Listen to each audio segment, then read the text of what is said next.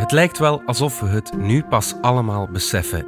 In het Kremlin zit iemand die razend is en een sterk leger heeft. Maar wanneer is Poetin die opgekropte woede beginnen omzetten in daden? En is er dan niemand die hem tot reden kan brengen? Het is maandag 28 februari. Ik ben Alexander Lippenveld en dit is vandaag de dagelijkse podcast van de Standaard.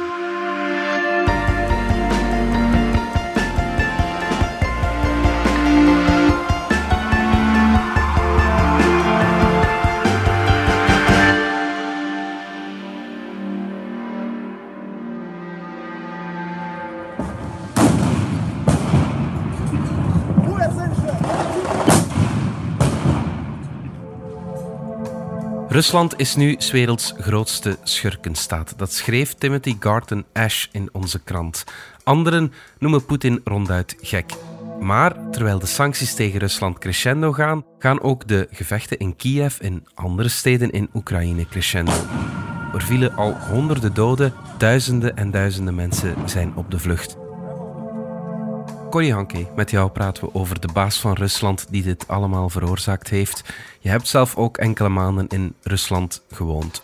Vorige week spraken we elkaar nog toen Poetin net de Donbass onafhankelijk had verklaard. Toen vroegen we ons af: wordt het nu een oorlog? Het is gebleken dat het zo geworden is. We vroegen ons toen allemaal af wat er in Poetin zijn hoofd afspeelt. Ik denk dat we die vraag nog eens moeten stellen. Hè. Wat bezielt Poetin? Ja, dat is een ongelooflijk. Uh rare vraag. Hè? Wat bezielt Poetin? Ik denk dat ondertussen zo wat uh, de halve wereld zich afvraagt wat bezielt Poetin. Want hij heeft zich hier in een avontuur gestort dat eigenlijk niemand voor mogelijk hield. Hier in Duitsland zeggen nu alle politici: Oh mijn god, wat waren wij naïef. Hoe erg hebben wij de signalen die overal eigenlijk tevoorschijn kwamen. Hoe erg hebben wij die signalen uh, niet willen zien. We wilden het niet geloven dat hij het land zou binnenvallen. Ja. Maar veel mensen, waaronder ik, dacht dat Poetin gewoon heel erg met zijn spierballen rolde om uh, veel gedaan te krijgen op de onderhandelingstafel. Maar blijkbaar had hij toch een veel groter plan in zijn hoofd. Welke signalen hebben we dan niet willen zien? Ja, gewoon al het feit dat hij Oekraïne aan x aantal kanten omsingeld had dat kon je toen inderdaad al zeggen van ja, maar dit is niet alleen gericht op Donbass, dit is ook op Kiev gericht. Mhm. En je hoort nu ook militairen zeggen als je het materieel ziet dat hij heeft laten aanvoeren en zo van ja, dit was inderdaad, uh, alles werd klaargelegd voor een grote invasie. Ja, waarom waren we dan zo naïef, denk je?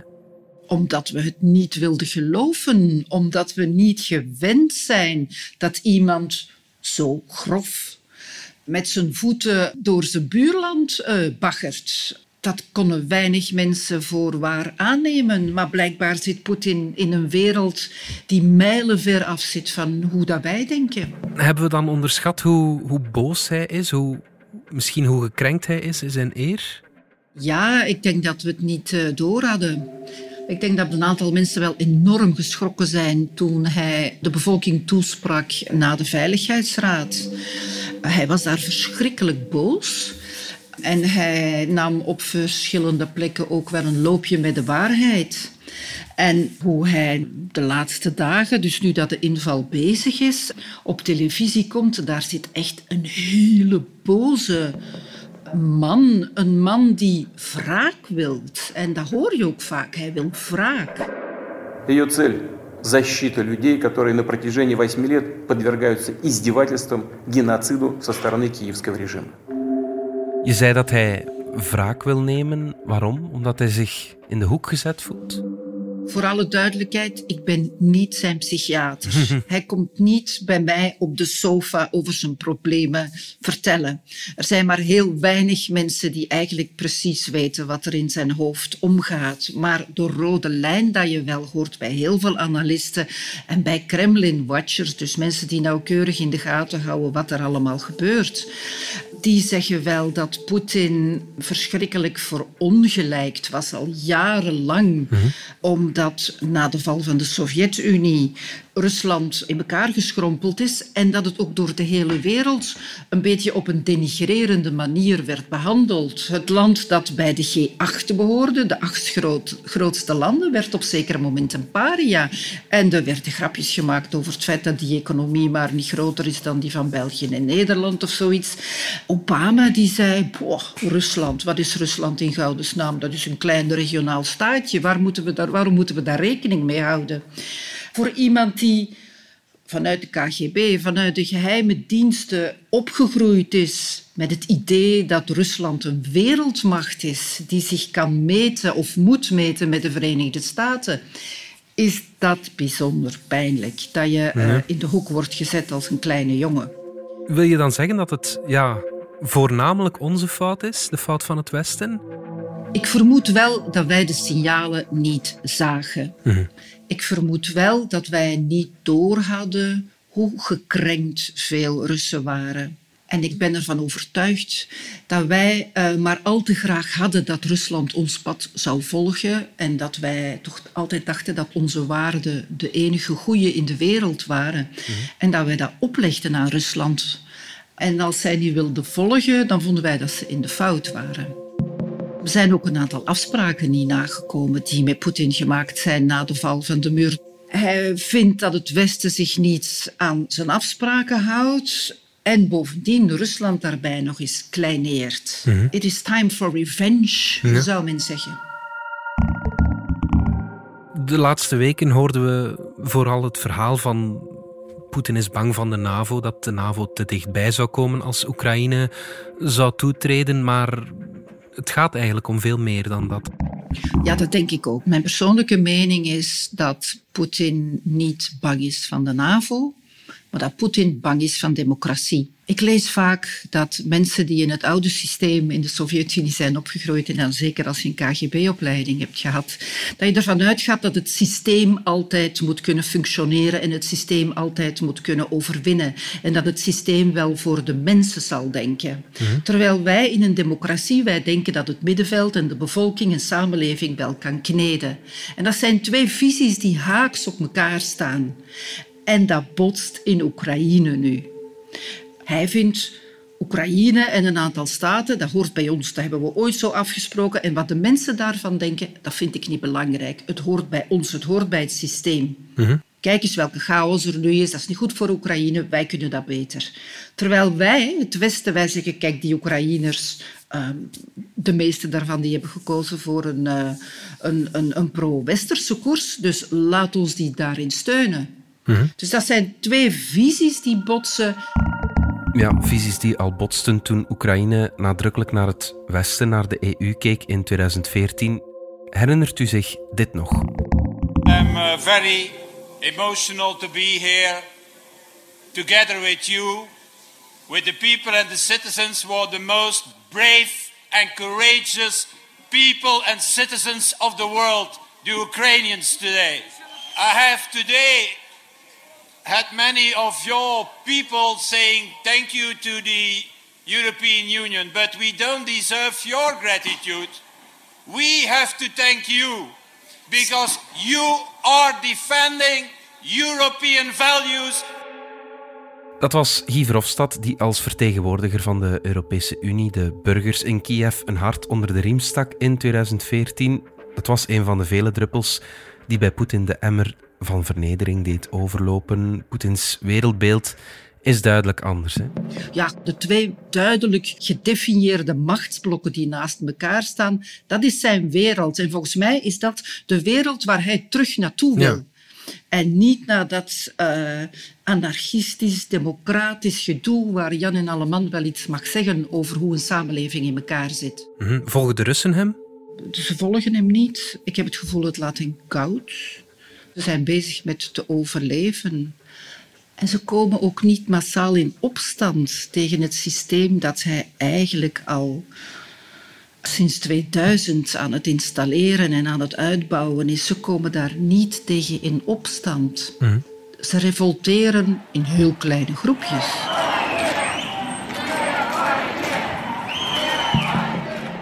Wat ook niet betekent dat de Russen massaal hun schouders ophalen, maar wie durft te protesteren wordt meteen opgepakt. Toch komen in verschillende Russische steden honderden, soms zelfs duizenden mensen op straat. 189 regionale politici ondertekenen ook al een open brief waarin de aanval van Rusland veroordeeld wordt. Ook meer dan 100 Russische journalisten tekenen een petitie tegen de oorlog onder de handtekeningen, ook die van journalisten van de Russische staatsmedia TASS en Russia Today. De hoofdredacteur van het Kremlin-kritische Novaya Gazeta, Dmitri Muratov, die vorig jaar nog de Nobelprijs voor de Vrede kreeg, die stelde alleen de Russische anti-oorlogsbeweging kan het leven op deze planeet redden. En ook vanuit academische hoek werd een open brief ondertekend door meer dan 150 Russische wetenschappers en journalisten. Ze spreken over een onfaire en betekenisloze oorlog. Maar of dit massaal protest gaat uitgroeien in een land dat met harde hand wordt geleid, dat is natuurlijk erg onzeker. Corrie, is er dan niemand in de entourage van Poetin die hem tot bedaren kan brengen? De mensen die ik daarover gesproken heb, Russen, die het, onderzoekers die het Kremlin uh, in de gaten houden, die zeggen nee, die mensen zijn er niet meer. Er is niemand die Poetin nog durft tegenspreken. De laatste jaren heeft hij zich al maar meer omringd met mensen uit de veiligheidsdiensten, oude vrienden van hem die hij al sinds 1990 meesleurt of, of in zijn omgeving heeft. En die worden allemaal stuk voor stuk als diehards, als haviken omschreven. Conservatieve haviken. Hun visie is: het decadente Westen kunnen we alleen maar overwinnen door hier zelf conservatieve waarden te verkondigen. Mm. Dus heel de acties tegen LGBTQ, eenouders, gezinnen en zo, dat past helemaal in dat beeld van de Russische trots, de Russische kracht ligt in onze conservatieve waarden. Mm. Dat is één. En twee, op geopolitiek vlak zijn zij de mannen, wordt mij verteld, die heel hard ervan uitgaan en, en vertellen van het Westen zit achter ons. Het Westen wil ons kleineren. De Amerikanen willen ons klein krijgen. Nu, dat zijn mannen uit de veiligheidsdiensten, uit de geheime diensten, die zijn zo opgevoed. Die moeten overal complotten zien, die moeten overal vijanden zien. Snap dat wel, dat die zo denken. Mhm. Het probleem is dat in zijn inner circle, volgens de mensen die ik gesproken heb of gelezen heb, is er niemand die zegt van wow, er is ook nog een andere waarheid. Ja. En dat is gewoon omdat ondertussen het Kremlin al jarenlang een immense krabbenmand is. Dus als jij kritiek hebt op Poetin, dan mag je er donder op zeggen dat iemand jou bij Poetin gaat verklikken en dan lig je er morgen uit. Mhm. Dus iedereen houdt elkaar ook met argusogen in de gaten. En ze proberen allemaal, zegt men mij, moeite te doen om bij Poetin een wit voetje te halen. Maar tegelijkertijd zijn er daar mm, drie ongeveer, drie getrouwe mannen die dus al van 1990, toen hij nog in Sint-Petersburg zat en voor de burgemeester van Sint-Petersburg daar komaf moest maken met de misdaadbendes, met, met zijn twee vrienden, drie vrienden, dat KGB-mensen, dat hij dat toen deed, die zijn altijd meegegaan. Mm Die zijn zijn hele carrière meegegaan en zij zijn degene, wordt mij nu gezegd, die bepalen wie tot bij Poetin geraakt. Zij kunnen bij hem binnengaan, met hem alles bespreken, maar voor de rest zij beslissen wie nog tot bij hem geraakt. Dan wordt zijn wereld heel, heel klein natuurlijk. Hè? Ja. Ja, hij zit in een bubbel. Hè. Een van die analisten die zei me eigenlijk de turning point is in Syrië gekomen. Niet in de Krim, maar daarna nog. Toen hij ineens besefte van wow, wij kunnen eigenlijk met relatief weinig middelen, wij kunnen hier terug een geopolitieke speler worden. Mhm. De tussenkomst van de Russen heeft uiteindelijk het hachje van Assad uh, gered. Maar, maar, Syrië was natuurlijk een heel, ja, een volledig instabiel land. Oekraïne is dat in, in veel mindere mate en is ook nog een stuk groter. Ja, er, is, er is toch nog een grote stap tussen, uh, tussen Syrië en wat hij vandaag doet. Zeer zeker. Hij heeft nu ook voor het eerst sinds heel lang officieel soldaten op, de, op uh, boots on the ground. Hè? Mhm. Dus dat is inderdaad een grote stap. Maar wat die analisten mij wilden vertellen, is hij dat hij sinds dan het gevoel gekregen heeft van het Amerikaanse gevoel van yes, we can. ja. Ehm, we, we, kunnen het. Terwijl tevoren zou dat veel minder geweest zijn. En het is een beetje in dat yes we can gevoel overmoedig geworden. Nu denken dat de wereld aan zijn voeten ligt. Of in ieder geval dat wel zo van Oekraïne is van mij en ik pak dat terug. Ja. Allee, dat hoor je ook de laatste dagen, de wijze waarop hij tegen het Westen nu zegt van en durf niet tussen te komen. Want ik ga... Hij zegt niet, ik ga op jullie vingers tikken. Hij zegt het veel erger. Ja. Maar durf niet tussen te komen. Kom Oekraïne niet redden. Oekraïne is van mij. Ja. Dat is nu heel zijn logicus. Daar zit een soort hoogmoed, zelfverzekerdheid in, die volgens kenners hij vroeger niet had. De Sovjet-Unie was natuurlijk vroeger nog veel groter dan enkel Oekraïne erbij. Gaat hij stoppen bij Oekraïne? Hij is goed bezig, hè? Als je de kaart bekijkt. Hij is zijn goede vriend eh, Lukashenko in Wit-Rusland komen redden. Lukashenko, die ook zo altijd een beetje van twee balletjes wilde eten. Zal ik naar Europa kijken of richt ik mij tot Rusland? De Russen hebben het vel van Lukashenko gered. Dus die eet nu uit hun hand. Hij heeft troepen gestuurd naar Kazachstan onlangs. Ook de zogenaamde vredestroepen. Dus de man die vroeger premier was en nu president, die veronderstel ik hangt nu ook aan een draadje bij Poetin. Het gebeurt minder opvallend, maar ik vind wel dat als je de kaart bekijkt, dat de invloed van het Kremlin serieus terug aan het groeien is in de wereld. Heeft hij nog bondgenoten in de wereld en heeft hij die eigenlijk nodig? Laat ons beginnen. Venezuela vindt het fantastisch wat hij doet. Hè? Ja. Trump vindt het ook fantastisch. Dus ergens in de wereld zal hij nog wel bondgenoten hebben. Maar eigenlijk kijkt iedereen naar China natuurlijk. Daar werd van gedacht van die, die twee kunnen het heel goed met elkaar vinden. En ik vond het heel opvallend op de, op de veiligheidsconferentie in München vorige week heeft, de, ik geloof de Chinese minister van Buitenlandse Zaken, heel uitdrukkelijk gezegd wij willen niet dat er een invasie gebeurt in Oekraïne. De Chinezen zijn serieus aan het investeren in Oekraïne. Hun grote Road and Belt project loopt daardoor. Dus dat is al niet tof voor hen. De Chinezen houden van stabiliteit. De Chinezen hebben graag dat het allemaal rustig is. Wat er nu in Oekraïne gebeurt, is het tegenovergestelde van stabiliteit.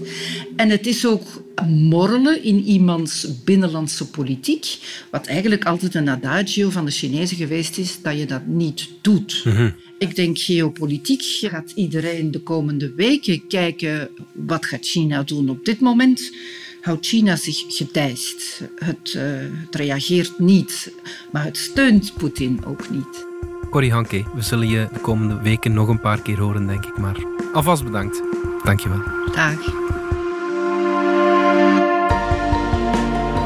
Dit was vandaag de dagelijkse podcast van de Standaard. Bedankt voor het luisteren. Ken je trouwens DS Podcast al, de podcast-app van de Standaard? Daar luister je niet alleen naar onze journalistieke reeksen, je krijgt ook elke week een eigenhandige selectie van de beste nieuwe podcasts op de markt. Alle credits van de podcast die je net hoorde vind je op standaard.be-podcast. Reageren kan via podcast.standaard.be. Morgen zijn we opnieuw.